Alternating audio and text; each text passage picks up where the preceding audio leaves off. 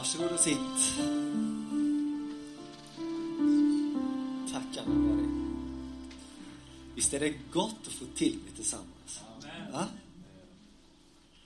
Man går hela veckan och bara väntar, tänker jag. Liksom. Och så får man komma och tillsammans med sin familj och så får man lyfta sina händer och tacka Gud.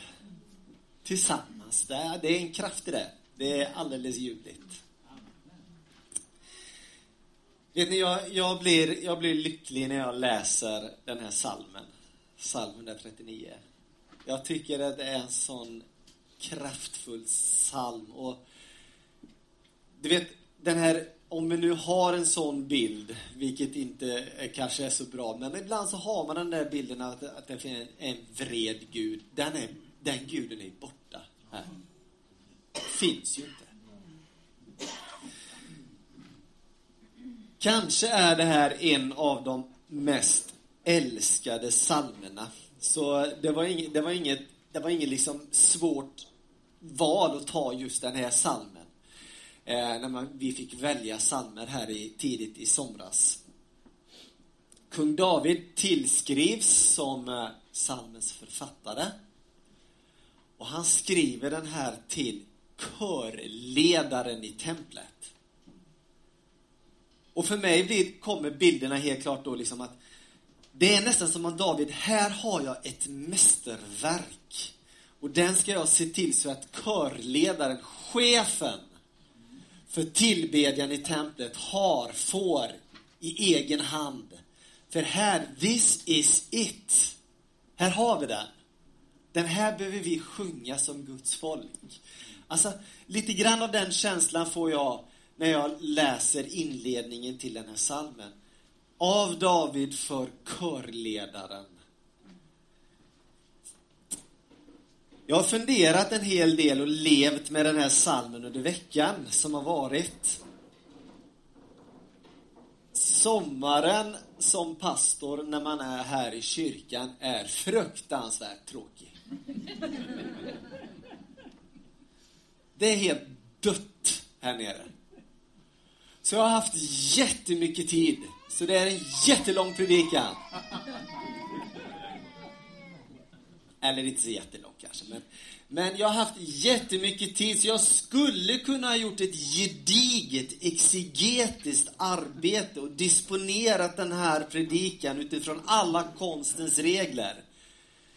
Eh, men jag har inte gjort det. Men jag har levt med den här salmen. Jag har andats den, jag har sugit på den, jag har tuggat den. Jag har verkligen levt med den. Och jag skulle vilja dela det med er som jag upplevt kommit från högre ort. Åtminstone har det varit så för mig. När jag har fått leva med den här salmen. Och jag tror att är det någonting som blir till liv för förkunnaren så har det också en möjlighet också att bli till liv för det som, den som det blir förkunnad för. Eh, och det är min förhoppning, det är min tro för den här söndagen. Jag är jätterädd för att predika sönder den här salmen. Det enda jag vill, det är att tala det liv som jag har fått uppleva att den har gett mig under veckan för ande, själ och kropp. Så om du har ditt hjärta öppet, vill du ha det? Så vet jag att du under de här närmaste minuterna kommer att få ta emot någonting från Gud.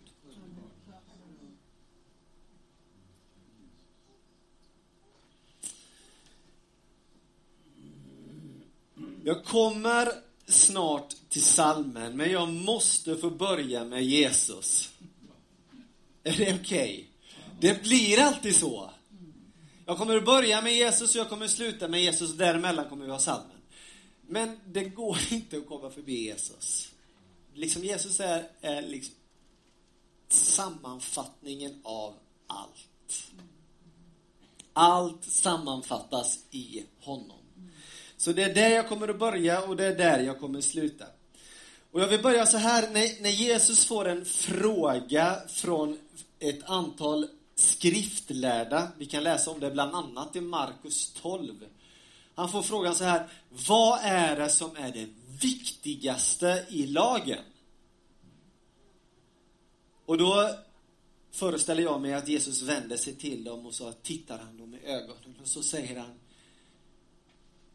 Shema Israel. Alltså han börjar med den, den judiska trosbekännelsen som också är våran trosbekännelse i och med det. Shema Israel, hör Israel. Herren er Gud. Herren vår Gud, Herren är en. Och du ska älska Herren din Gud av hela ditt hjärta, hela din själ, av hela ditt förstånd, av hela din kraft. Sedan kommer detta. Du ska älska din nästa som dig själv. Och vet ni vad fariseerna säger? Det är bra mästare, det är sant det du säger. Och då säger Jesus till dem så här att ni är inte långt ifrån Guds rike. Just detta är det vad salmen gör med oss när den får landa. En ofattbar kärlek till Gud när jag först har sett hans kärlek till mig, till dig. Så är det någonting som föds inom oss. Vi älskar, säger Johannes i sitt första brev, därför, kommer du ihåg? Att han först har älskat oss. Och någonstans här är det den salmen vill landa i våra liv. Att föda fram en enorm kärlek till Gud när vi ser hur han älskar oss. Och då har vi hela himmelen som säger till oss när det börjar landa, ni är inte långt ifrån Guds rike. Och när det står så i Bibeln så betyder det inte att det är långt geografiskt eller långt tidsmässigt, utan det betyder i ordagrant, det är, Guds rike är för handen. Det är nära er. Det är bara att ta emot det.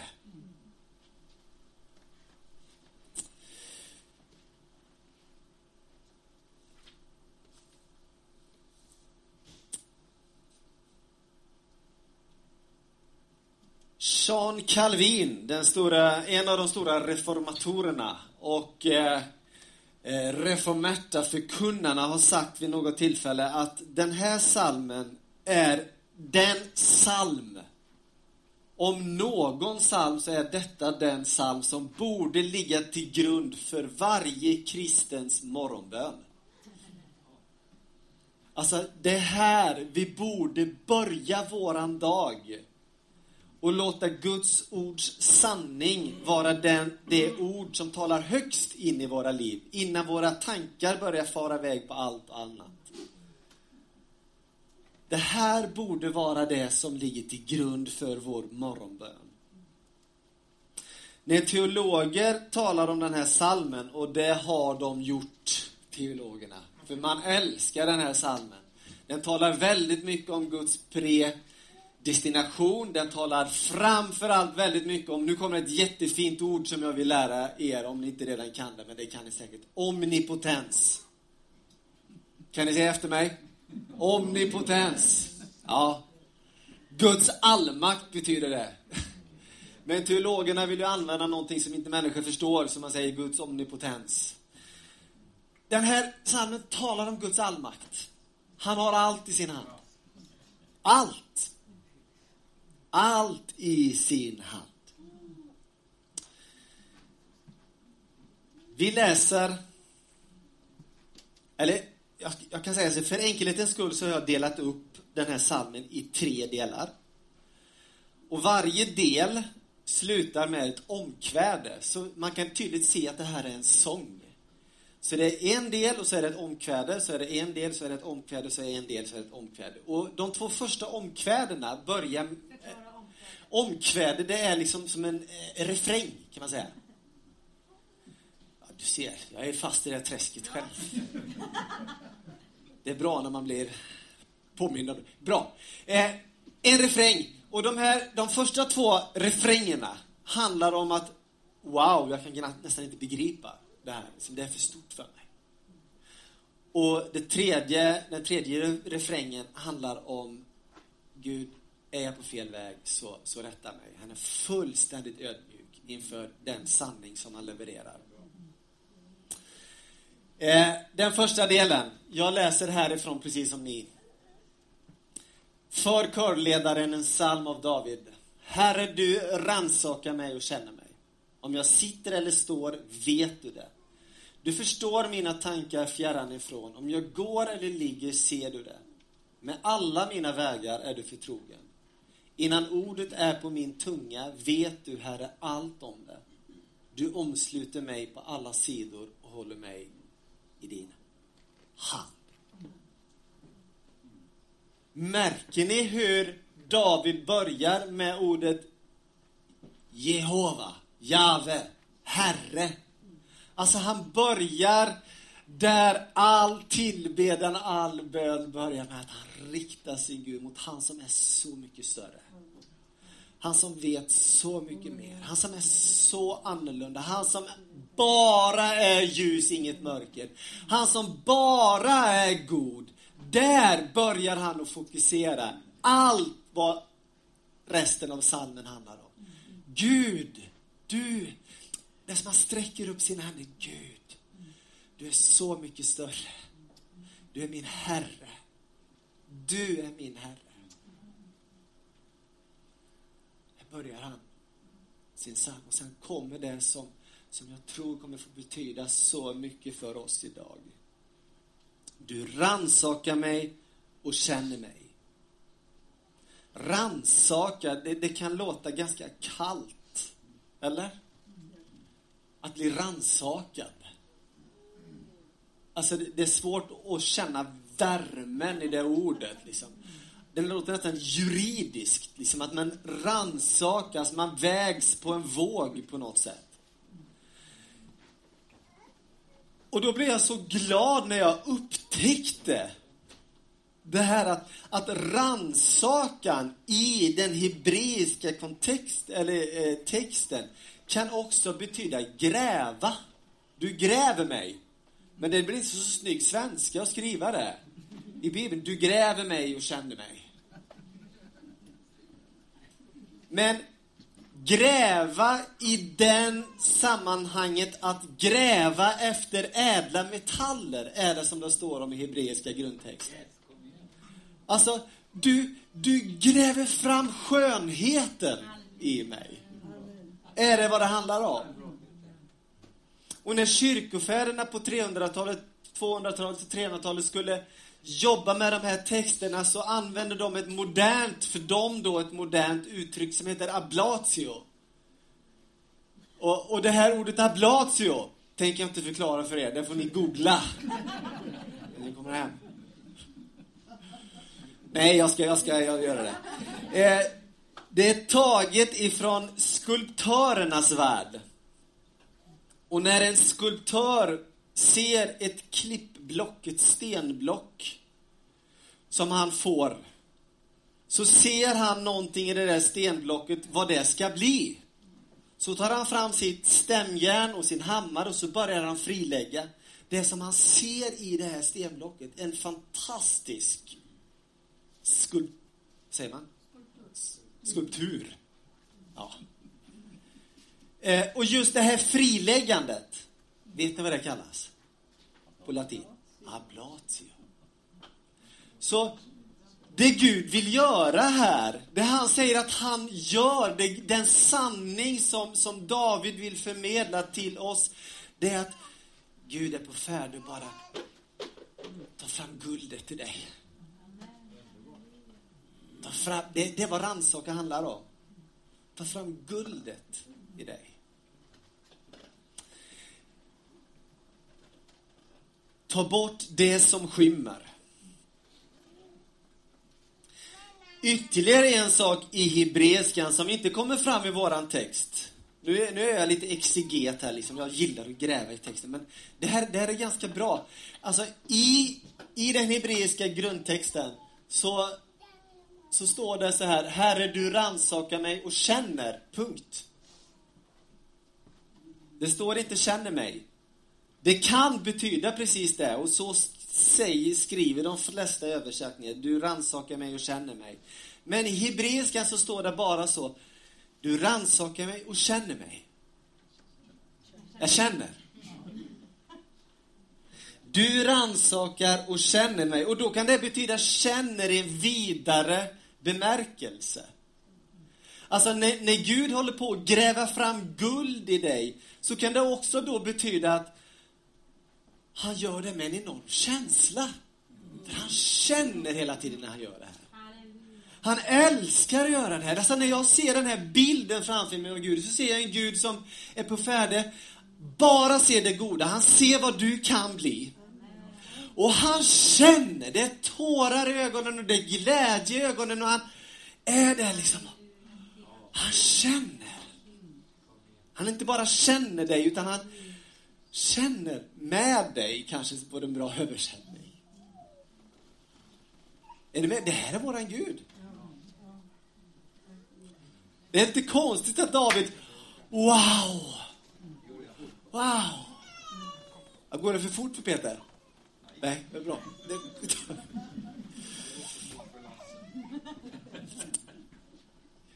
Så du människa, du kan inte reduceras bara till dina misstag, eller dina fadäser, eller dina missöden. Eller allt det här andra som grämer dig, som gnager där inne. Du är så mycket mer.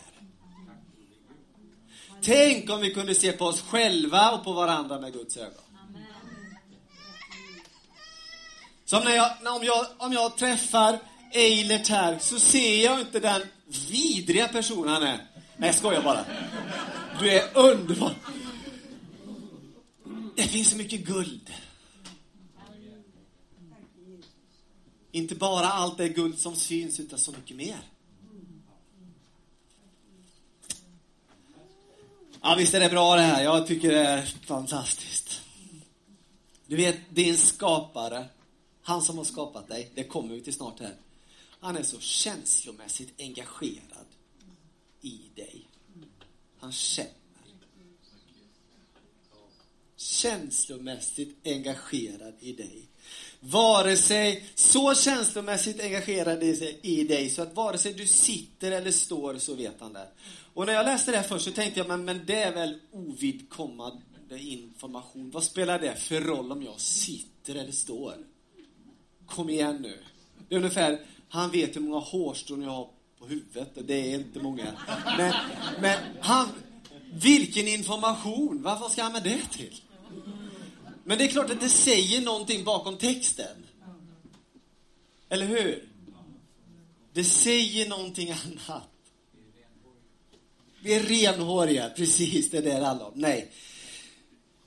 Det, vare sig vi sitter eller står, alltså, någonstans, alltså jag tänkte så här, när jag var riktigt nykär en gång för länge sedan. Har ni varit där? Sådär, vet, sådär förälskade. Och när man ringer till den man är förälskad i så, så ställer man, man vill veta allt. Vad gör du? Sitter du? Ligger du? Eller, du vet, man vill veta allt. Vad ser du? Alltså, du vet, man vill se hur det ser ut runt omkring, man vill veta allt. Varför? Jo, för man älskar den här personen. Så man vill känna som man, man är där. Och det tror jag är det första med den här, de här orden, att han vare sig jag sitter eller står så vet det. Det är bara som en, ett resultat av att han älskar. Men det finns också en djupare mening i det här. Sitta i hebreisk kontext eller hebreiskt sammanhang handlar om en passivitet. Att stå handlar om en aktivitet. När helst du läser hebreiska bibeln och när du läser om att sitta eller stå så handlar det om aktiv eller passiv. Som ett exempel på det, ni vet när Stefanos stenas i Apostlagärningarna 7. Eh, en av de första lärjungarna som, blev, som fick lida martyrdöden, eller den första lärjungen som fick lida martyrdöden genom stening. Han, han står där och han matas med stenar på sin kropp och han blir mer och mer sargad och till slut så vänder han blicken uppåt och han får liksom en syn in i himlen. och han ser Gud, Fadern, och han ser Jesus står på Faderns högra sida. Överallt annat när du läser i Bibeln så sitter Sonen på Faderns högra sida. Men här står det att han står på Faderns högra sida, vilket betyder att han är engagerad i det som händer Stefan. Är du med på det? Det, det är samma sak här. Men också, visst är det här underbart, vare sig du är passiv eller aktiv, så är Gud engagerad i dig. När du inte orkar, du orkar bara sitta. Ja, men Gud är engagerad. Är inte det skönt? Vi har en, en svensk poet. Jag ska inte säga att jag älskar honom så jättemycket, men, men en sak har han skrivit som jag tycker är jättebra. Och det, han heter Bob Hansson. Är det någon som har hört honom? Han, han har skrivit så här, vet inte, jag tycker det är så fantastiskt. Här ligger jag och duger. Visst är det skönt? Här ligger jag och duger.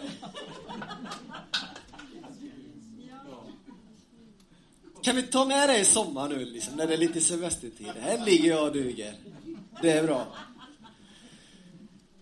Sen tror jag också att det finns en tågordning i just det här att först sitta och sen stå. Jag tror inte det är en slump att det står i den ordningen. Vi ska inte stå för stora växlar på det här, för det här är, det är en text och den är vad det är. Men jag tänker ändå så här att i allt vårt kristna liv så gör vi väl i att först sitta ner och lyssna in Gud. Att sitta ner och vara inför Guds ansikte innan vi är där och ställer oss upp och aktiva. Jag tror att det finns en hemlighet ifrån himlen i den tågordningen som jag tror att vi gör väl i att ta vara på. Du är förtrogen med alla mina vägar. Det här gillar jag också. Alltså, även om mina vägar är krokiga, vilka de är ibland. Jag far hit och jag far dit och jag vet knappt var jag är på väg någonstans. Eller när de är spikraka som på en räls. Så är han förtrogen med dem. Och det finns inget dömande i den här. Utan bara det att han är förtrogen med det. Vilket gör också att jag kan känna mig ganska lugn när mina, mina barn, andras barn, är ute på lite svängar hit och dit. För Gud är förtrogen med alla de där svängarna. Han är så förtrogen med det. Släpp taget lite. Gud är med, Gud viker inte undan, han är där hela tiden. Innan ordet är på min tunga vet du, Herre, allt om det. Vet du, när jag har läst det här förut så har jag tänkt så här. Och det, här det här kom nu i veckan och då blev det så jättestort för mig. Det är kanske inte alltid lika stort för dig, men för mig blev det stort. Men då har jag läst det så här att innan jag säger någonting så vet Gud precis vad det är jag kommer säga. Ungefär som en förutbestämmelse. Så där. Han, han, han vet precis allt innan jag ens har sagt det. Men det står ju faktiskt inte riktigt så. Jag tror att det kan betyda så också. Men det står ju faktiskt att han är förtrogen med Innan ett ord är på min tunga vet du allt om det. Vilket betyder att innan ett ord är på min tunga, och det är oftast ord kommer på våra tungor, och så kommer vi efteråt och tänker, varför i hela friden sa jag det? Har du varit med om det någon gång? Det är bara Lasse här framme. Alltså det är ju så, alltså, man landar, vad i hela friden sa jag det? Men du vet, det finns en Gud som finns längre bak i tankekedjorna som vet varför det ordet kom. För han har sett historien bakom. Han vet vad som finns bakom och vad som hänt kanske veckor innan de här orden kom ur min mun. Som finns som någon slags delförklaring till det. Och det finns inget dömande i det. Där. Han vet det. Så när du känner den där grepp, vad hela friden sa jag därför? Och du kan inte sova på natten för du känner dig så illa till mods. Nummer ett, be om förlåtelse till den som du sa det till.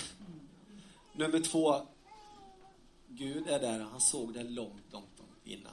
Och han älskar dig ändå.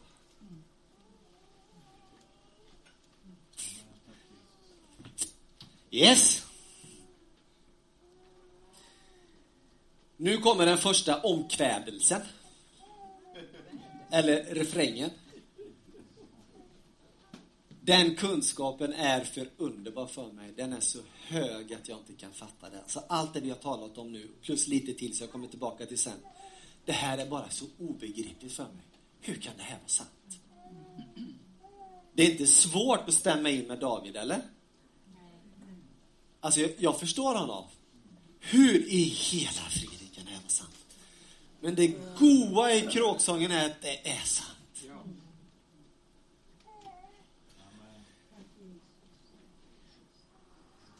Jag tycker så synd om de som tror på att hela det som vi kallar för liv, det som är vårt liv och så vidare, är en slump. Där vi hela tiden är utlämnade till att skapa vår egen meningsfullhet. Och så har vi den här oss given. Bara ta emot. Alltså, vem vill inte? Jag, alltså, jag begriper det inte. Jag tycker allt annat skulle vara så fattigt. Och kräva väldigt mycket tro.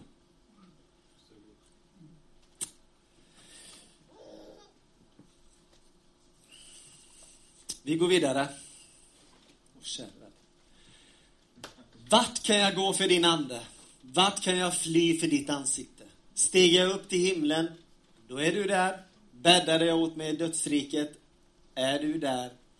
Tar jag morgonrodnadens vingar gör jag mig en boning ytterst i havet ska också där din hand leda mig och din högra hand hålla mig. Säger jag låt mörker täcka mig och ljuset blir natt omkring mig så är inte mörkret mörkt för dig. Natten lyser som dagen. Mörkret är som ljuset. Himmel och dödsrike.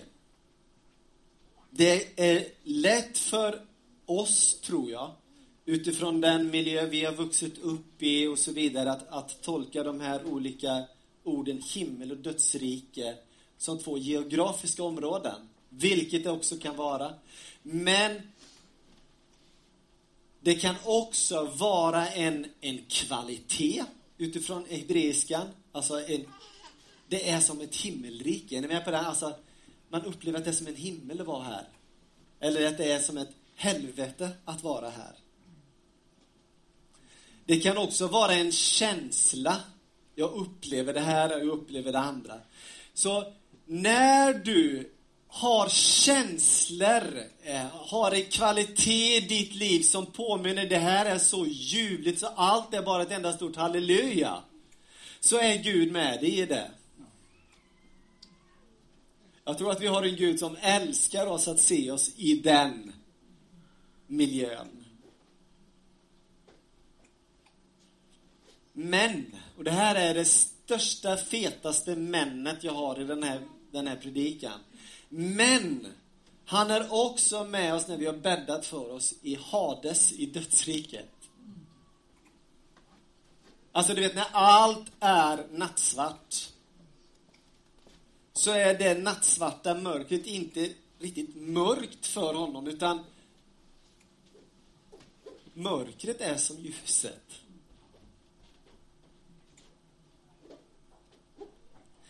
Natten lyser som dagen, mörkerupplevelser tror jag kan leda till fantastiska nya gudsupplevelser.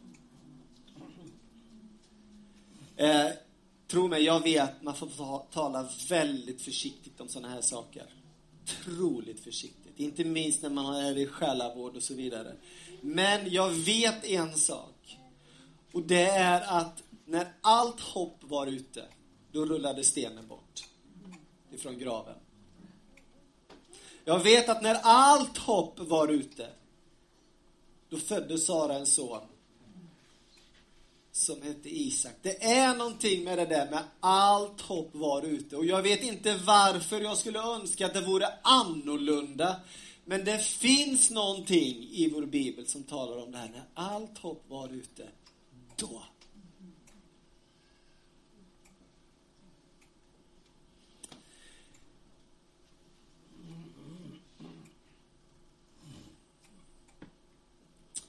Du har skapat mina njurar. Du vävde mig i moderlivet. Jag tackar dig för att jag är så underbart skapad. Underbara är dina verk, min själ vet det så väl. Benen i min kropp var inte osynliga för dig när jag formades i det fördolda, när jag bildades i jordens djup. Dina ögon såg mig när jag bara var ett foster. Alla mina dagar blev skrivna i din bok, formade innan någon av dem hade kommit. Vad gör sådana här ord med oss? Vad föder de inom oss? Vad gör den här sanningen med vår tanke, vår syn, vår känsla?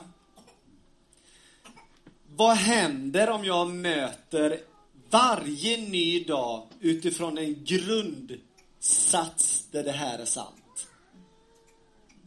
Vad händer med den dagen? När det här är det som talar tydligast och starkast rakt in i mitt liv innan någonting annat händer. Njurar, står det.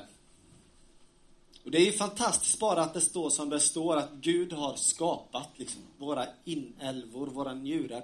Men njurar betyder också någonting i hebreiska. Njurar är själva sätet för hela vårt känsloliv. Sätet för hela vårt tankeliv, inte det logiska tankelivet, men det som är förknippat med det emotionella, med känslorna. Det har sin, sitt hemvist i njurarna i, i den hebreiska tanken. Du har skapat mina känslor. Så vi behöver inte vara så rädda för våra känslor, vänner.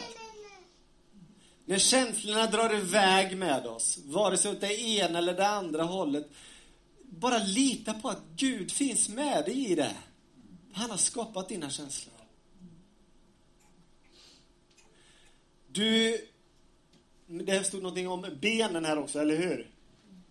Eh, benen i min kropp var inte osynliga för dig. Och det är också fantastiskt att Gud har skapat våra ben, kroppen. Men också detta har en djupare betydelse i det judiska tänkandet. Där benen står för det som upprätthåller. Alltså det som upprätthåller hela kroppen, men också det som upprätthåller det som är våran miljö på något sätt. Det som det vi lever i, det som gör att vi finns till runt omkring. Det som upprätthåller. Gud är förtrogen med, med din miljö.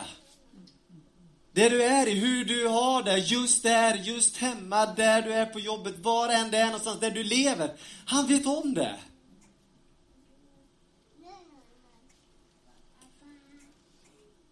Och jag gillar det. Jag gillar det för att mitt i det så är han där med sin stämjärn och sin hammare. Och vill se, okej, okay, det här tar vi bort. Då kommer det här fram. Och det glänser, det glittrar. Det är så vackert, det måste alla andra få se. I dig tar jag bort det här så att det får synas för andra. Wow, det här är våran Gud. Det här är våran Gud. Dina ögon såg mig när jag ännu var ett foster. Du har inte gjort något. Du, Gud, har alltså sett mig som ett foster när jag ännu inte är färdig.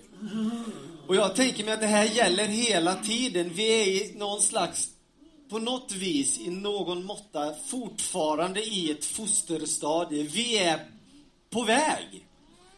Vi är i ett blivande. Det måste vara så om den heliga Ande är verklig. För den heliga Ande jobbar med någonting som vi kallar för en helgelse i våra liv. Så vi är i ett blivande. Men, det är den näst fetaste männet i den här predikan. Men, Gud älskar oss just där vi är i vårt blivande. När jag redan var ett foster, du hade inte gjort någonting. Det handlar inte om dina prestationer. Ett foster har inte gjort någonting. Varken gott eller ont.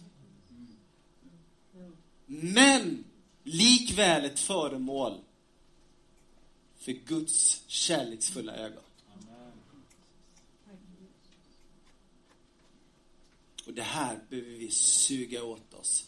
Vi som lever i en, du vet, aktivitetskultur liksom, där vi, där, där vi får vårt värde någonstans utifrån det vi presterar. Redan när du var ett foster. Alla dina dagar var skrivna i livet, eller i boken. Wow! Behöver jag fundera sådär jättemycket om morgondagen? Ja, det kan jag göra. Jag kan koppla på hur mycket oro jag vill på morgondagen, men frågan är hur mycket det hjälper.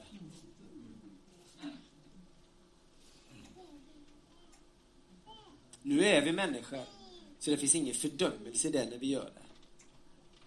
Gud förstår. Han vet.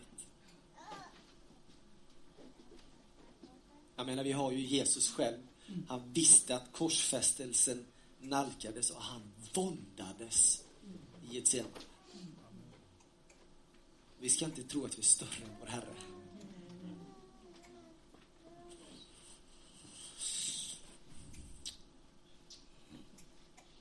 Den tredje refrängen. Hur ofattbara är inte dina tankar för mig, Gud? Hur väldig är inte deras mångfald? Jag älskar det här också. Alltså det kommer det här om igen. Alltså han, han, har sagt någonting, David, gett oss massa, massa sanningar och så kommer den här wow-upplevelsen. Hur, hur fantastiskt! Och vilken mångfald! Hur väldig är det inte i deras mångfald? Alltså, Guds tankar för dig är inte som en GPS. Du vet när man bara har en väg, utan det är en mångfald. Du får leva ett liv där det Guds mångfald får råda.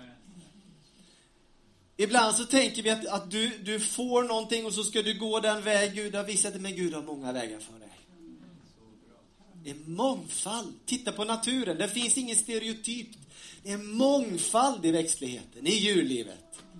Det finns en mångfald vad det gäller Guds tankar för dig.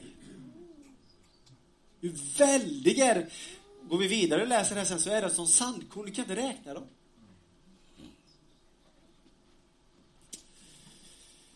Jag är snart klar, vänner.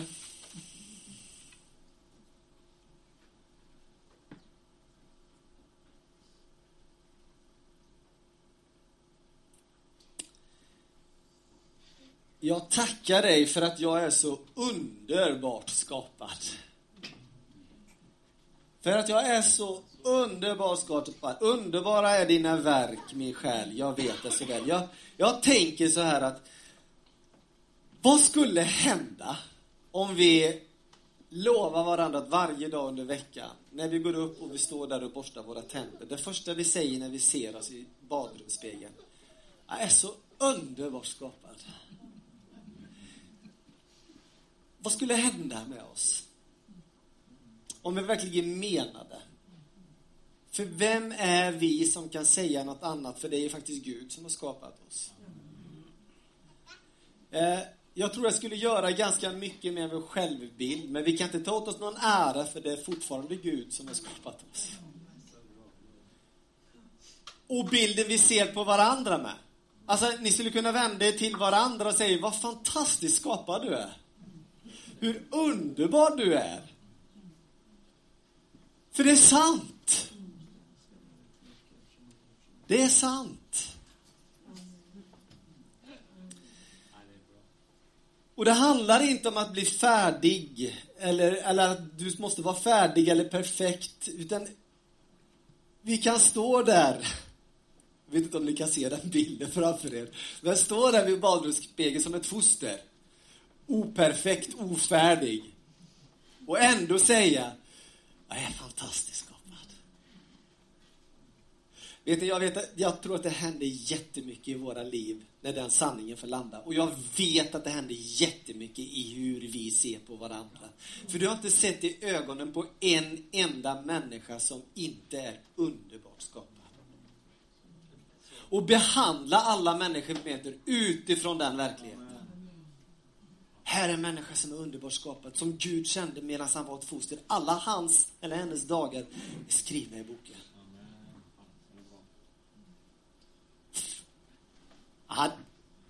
Det är bra.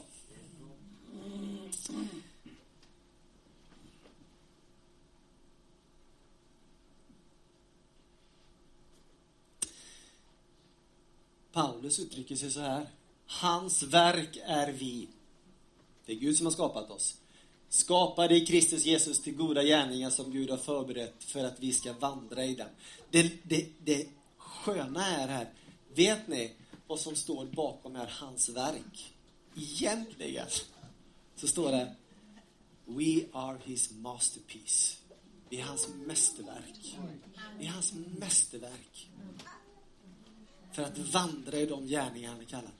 Så nöj dig inte med att säga att du är underbart skapad när du står där i, i badhusspegeln och säger Wow, vilket mästerverk jag är för Gud. Ett mästerverk. Ni vet, ett mästerverk är det som en mästare är som mest stolt över, där man lyfter fram det här är mitt mästerverk. Japp.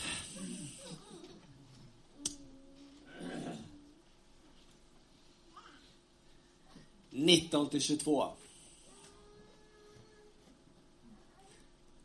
Är ni fortfarande med? Ja. Gud, om du bara ville döda de gudlösa, bort från mig ni blodtörstiga. De talar om dig med svek i sinnet, de har fört dina städer i fördärvet. Skulle jag inte hata dem som hatar dig, Herre, och avsky dem som gör uppror mot dig? Jag hatar dem med starkaste hat. Mina fiender har de blivit. Vilken svängning i texten! Alltså att gå från allt det här andra som vi har talat om här nu till det här. Hur kan han göra det, David? Hur i hela friden kan... Ska jag hoppa över? Det är Guds ord. Jag måste ju ha med det. Jag kan inte fega ut här nu. Jag måste ju ha... Och vet du, får bara ta en liten bild. Eller för det första så tror jag någonstans Nej, jag tar bilden först. Eh, min pappa dog ju när han var ganska ung och jag var framförallt ganska ung när min pappa dog. Eh, och efter några år när pappa var död så min mamma som heter Barbro eh, har en eh, gammal faster som hette Iris. Som de brukar ringa till varandra och nu hade hon, Iris, då ringt till mamma. Och mamma var bara så gråtig. Och bara grät och grät och grät och grät. För Iris hade varit så elak. Och mamma. I telefonen.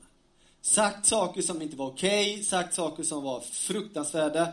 Och du vet, jag känner då, brorsan bodde inte hemma längre, så jag känner nu måste jag vara man i huset. Så jag tar upp den här telefonen och så ringer jag upp Iris och skäller ut henne efter noter. Och jag var så arg. Och jag hatade henne. För jag såg vad hon hade gjort mamma. Jag tror det här är en väldigt mänsklig känsla som David ger uttryck för. Jag tror det är en väldigt, väldigt, väldigt mänsklig källa. Och samtidigt så tänker jag så här. Att David levde i det gamla förbundet. Och vi lever i ett nytt förbund, ett mycket bättre förbund. Ett mycket, mycket, mycket bättre förbund. Där vi har en konung som omdefinierar, som inte är rädd för att omdefiniera. Han sa vid ett tillfälle i Matteus 5, 43-45. Ska vi läsa det? Ni har hört att det är sagt. Alltså, ni har läst i skrifterna, ni har hört att det är sagt. Men jag säger er. Du ska älska din nästa och hata din fiende, alltså tvärtom och som står här. Älska era fiender och be för dem som förföljer. Då får, då är ni er himmelske fars barn. För han låter sin sol gå upp över onda och goda och låter det regna över rättfärdiga och orättfärdiga. Alltså Jesus omdefinierar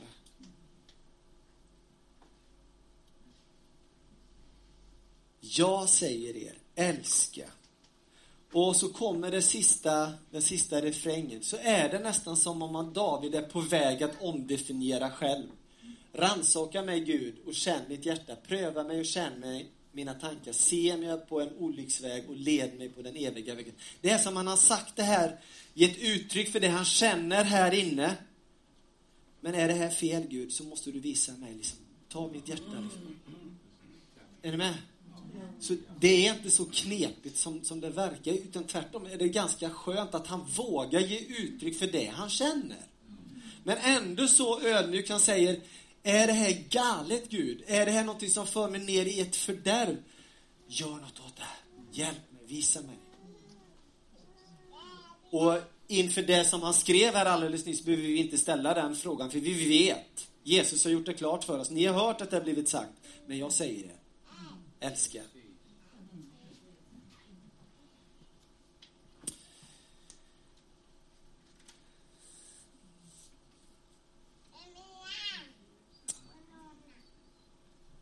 Jag hoppar över några grejer här. Det blir väldigt långt. Den hoppar vi över. Eh, ni vet den här guden med all den här kärleken, med de här ögonen som känner in dig. Så står det så här i Hosea bok. När Israel var ung fick jag honom kär. Alltså,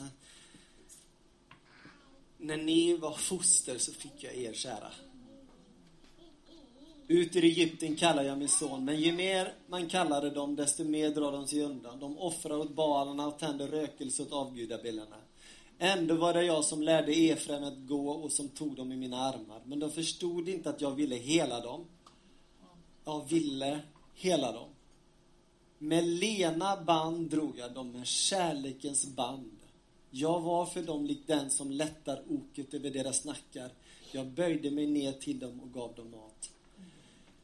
Jag har upplevt under den här veckan att Gud vill dra i oss med de här lena banden idag. Och vi, vi har förstått utifrån psalm 139 att det är ingen vredesgud som är här uppe, utan det är Gud som är närvarande och ser på oss med sina ögon. Och han drar i oss med de här kärleksbanden. Så har du kanske för första gången vill säga ditt ja till den guden idag, så är det här tillfället du ska få uppleva ett helande i ditt liv. Jag vill ju hela säger han. Eller är du där du har sagt ditt ja en gång i tiden men upplever fortfarande att det är något som så skaver här inne? Jag behöver hjälp, Gud. Så ta det här tillfället nu när vi kommer att gå in i lite tillbedjan och lovsång och komma fram hit och sätt dig här på första bänken så kan vi be tillsammans. Är det okej? Okay? Herre, jag ber att du låter ditt eh, ord vila och verka i våra hjärtan. Tack för att du talar till oss. Tack för att du låter din sanning vara den sanning som är, är starkast i våra liv. Du ser hur ofta våran egen röst är den som är starkast. Där vi, vi är självdömande, där vi, där vi är där och vi tycker inte vi duger, allt vad det handlar om. Men Herre, Låt din röst vara den som är starkast, ljudligast, klarast, mest vibrerande i våra liv. Kom du helige Ande och låt psalm 139 vara våran morgonsalm, eftermiddagssalm, kvällssalm, nattsalm. Amen.